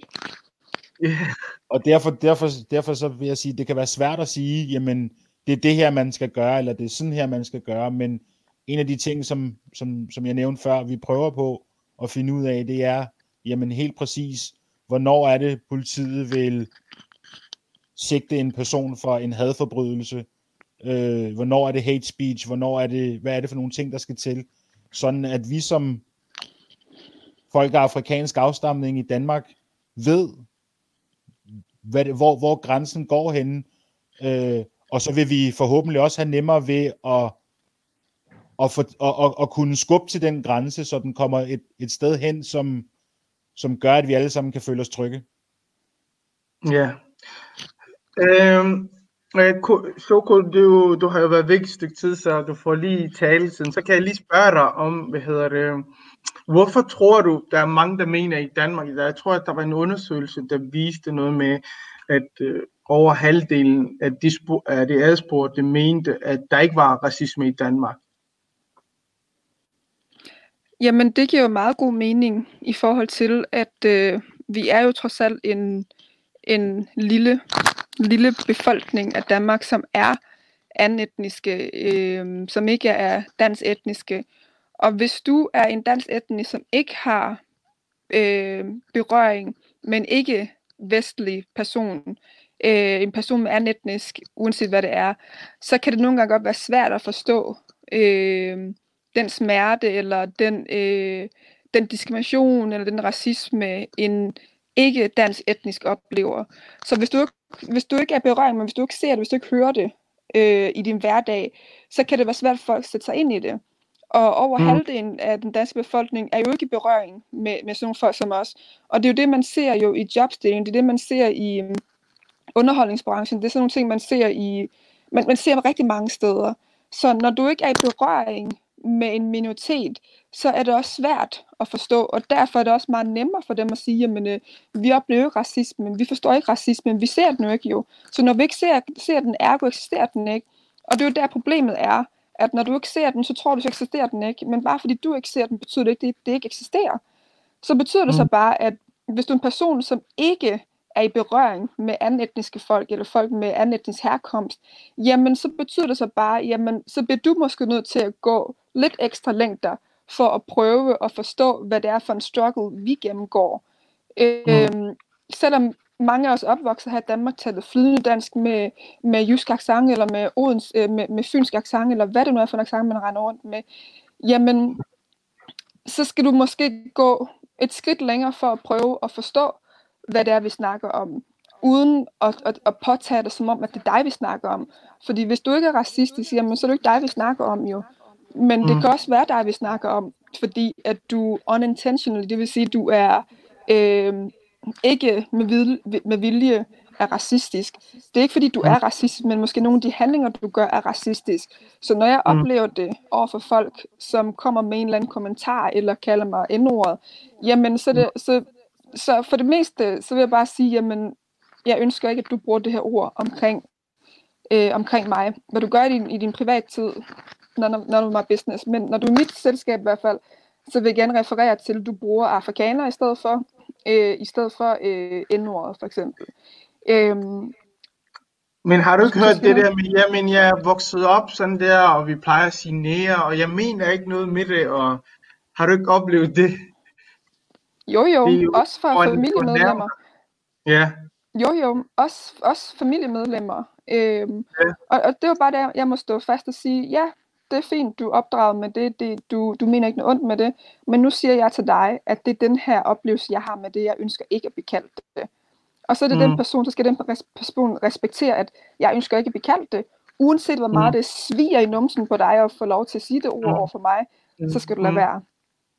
Men har det, har det, tænker du ikke, det har noget at gøre med en magtdemonstration? Altså, jeg skal fortælle dig, hvad er hvad. Du skal ikke fortælle mig, hvordan du føler øh, i forhold det, det her ord, det betyder det her, og så er det bare det. Så skal du finde dig i det. Er det ikke en slags magtdemonstration? For nogle er det. Helt sikkert handler det om, at uh, de har et behov for, at de skal have lov til at kalde mig, hvad end de vil. Uanset mm. at jeg udtrykker, at det ønsker jeg ikke. Og det her, det er det, det mm. betyder, og det er det her, du gør det her det er det, det gør ved mig, når du siger mm. sådan omkring mig og kalder mig det. Øhm, så er det jo fuldstændig respektløst af den person ikke at vælge at lytte til det, bare fordi den person er opdraget til, det kan du bare gøre jo. Øhm, mm. så, så, så det handler om, at folk skal prøve at have mere compassion, øh, respektere, hvad folk siger. Vi er mm. en håndfuld folk her, som ikke ønsker at blive kaldt det. Hvorfor er det mm. så svært at forstå? Der er, jo ikke, der er jo ikke et land, der hedder Nederland, men der er trods alt et kontinent, der hedder Afrika. Og folk, som ser ud som mig og dig, vi, vi kommer fra, vi ofte så, så er vores øh, afstamning, vores DNA er fra det afrikanske kontinent. Så hvorfor skal det være så svært at referere mig mm. som afrikaner i stedet for N-ordet? Altså, mm. hvis det er fordi, der var et land, der hed det, N-ordet, mm. jamen, mm, så kunne vi måske snakke om det, men det er der ikke. Geografisk set er der kun et kontinent, der hedder Afrika. Og folk, som ligner mig og dig, vi skal referere som afrikaner, så er den ikke længere. Om du så har lyst til at kalde mig for et andet ord, det kan du gøre hjemme privat, Men omkring os og ude i det offentlige, skal du være respektfuld og bare kalde os for afrikaner, for det er det, vi er. Ja, Man kan vel også sige, man kan vel også sige at øh, en sten stopper jo ikke med at være en sten, bare fordi du smider den vandet. Så er du bare en sten i vand. Og jeg har Ja. bare sagt, ja, jeg er, op, jeg er opvokset her i Danmark, øh, og jeg er dansk, men mine rødder er stadigvæk afrikansk. Så jeg er dansk-afrikansk, jeg er afrikansk-dansk. Så, så jeg stopper ikke med at være afrikansk, bare fordi jeg bor her i Danmark jo. Men jeg taler flydende dansk, og jeg respekterer jer. Derfor ønsker jeg også at blive respekteret tilbage igen. ja. Der er en, der skriver her, jeg, øh, det er i forhold til det her med racisme, der er en, der skriver her, jeg tror, det er at benægte andres realitet, når man taler på vegne af dem, og siger, at deres oplevelse af racisme ikke tæller, eftersom de er det eneste, der vurderer, hvad ordet betyder, og hvordan det skal tages af den, der oplever den. Forstår I det? Jeg kan kun være enig. Jeg kan sådan set kun være enig. Det handler igen om respekt. Vi er en flok folk, vi er afrikanere, af afrikansk herkomst, som siger, vi tager afstand fra det. Vi ønsker ikke at blive kaldt det og det og det.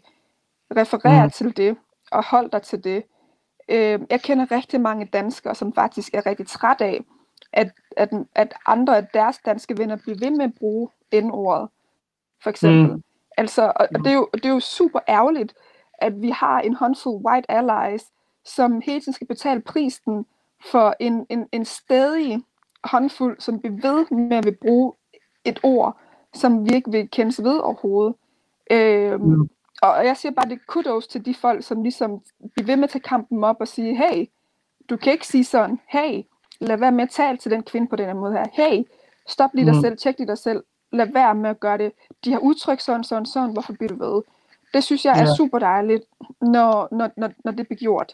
Fordi det betyder også, at øh, jamen, hvis de har været et tidspunkt, hvor de måske selv har, har brugt n-ordet, eller har været små racistiske, de har reflekteret og tænkt, åh, oh, okay, ved du hvad, de bryder sig ikke om det, måske er det bare bedst, at jeg lader være med at gøre det, og så respekterer det det. Synes jeg er super cool. Mm. Jeg er i gang med at finde nogle. Jeg tror, der er rigtig mange spørgsmål. Dem når vi ikke for i dag. Øhm, jeg tror, øh, vi afslutter for i dag. Øh, inden øh, vi siger farvel, er der noget, I brænder med? Noget, I vil ud med? Øhm, ja, sidst, men jeg, vil- jeg, vil- jeg vil lige sige som det sidste til dem af jer derude, som, som sidder og gerne vil vide lidt mere om, hvad, vi, hvad, hvad der kan gøres. Øh, gå ind og læs lidt om øh, CERT 34, som er en FN øh, anbefaling, øh, 64 anbefalinger til, hvordan Danmark kan skabe et bedre samfund for folk, specifikt for folk af afrikansk afstamning. Så CERT 34. Læs op på det. Yes. Øh, jeg synes faktisk, der er en god kommentar, der kom til sidst her. Der er en, der skriver her, øh, altså du, han mener, vi mener, tror jeg. Vi er meget låst, øh, vi er meget, meget låst i, deres tekster. Vi skal fri os fra deres forskning og definitioner og lave vores egen forskning og definitioner. Derfor skal vores folk tage uddannelse og definere deres virkelighed, i stedet for en eller anden klog mand skal definere os. Så det er en god øh, analyse, fordi jeg tror, jeg tror, der er meget uenigheder om de forskellige definitioner. Og jeg tror, der skal flere på banen for at lave lidt forskning ind på det her område. Så vi siger tak, fordi I Ja. gad at... Ja. Var der noget, du må jeg ville en sige hurtig der? kommentar? Jo, Jamen, jeg vil bare, lige knytte en hurtig kommentar til. Jeg synes, det var super fin øh, sidste kommentar. Øh, jeg tror, det er vigtigt, når der bliver lavet en ny definition, så tror jeg, det er vigtigt, at man hiver nogen som os ind til ligesom at kunne påvirke, hvordan den skal defineres, i stedet for at vi har en håndfuld øh, hvide mennesker, der sidder og skal defineres, hvordan vi skal defineres. Så Mm. vi skal ligesom være med i samtalen, så den kan blive nuanceret, inden at, det- at, inden at vi ikke er med. Så jeg vil også bare sige tusind tak, fordi du inviterede os til det her. Øhm, Ja. Total øh, kudos til det. Jeg tror, Ja, vi skal finde en, øh, en, en aften, hvor vi kun diskuterer racisme. Tror jeg, så, så vi kan komme frem til, hvad det er for noget, det her. Så, men tak fordi I gad at være med, og tak til dem, der så med. Tak for Og, invitationen. ja, og vi snakkes. Hej. Hej. Hej.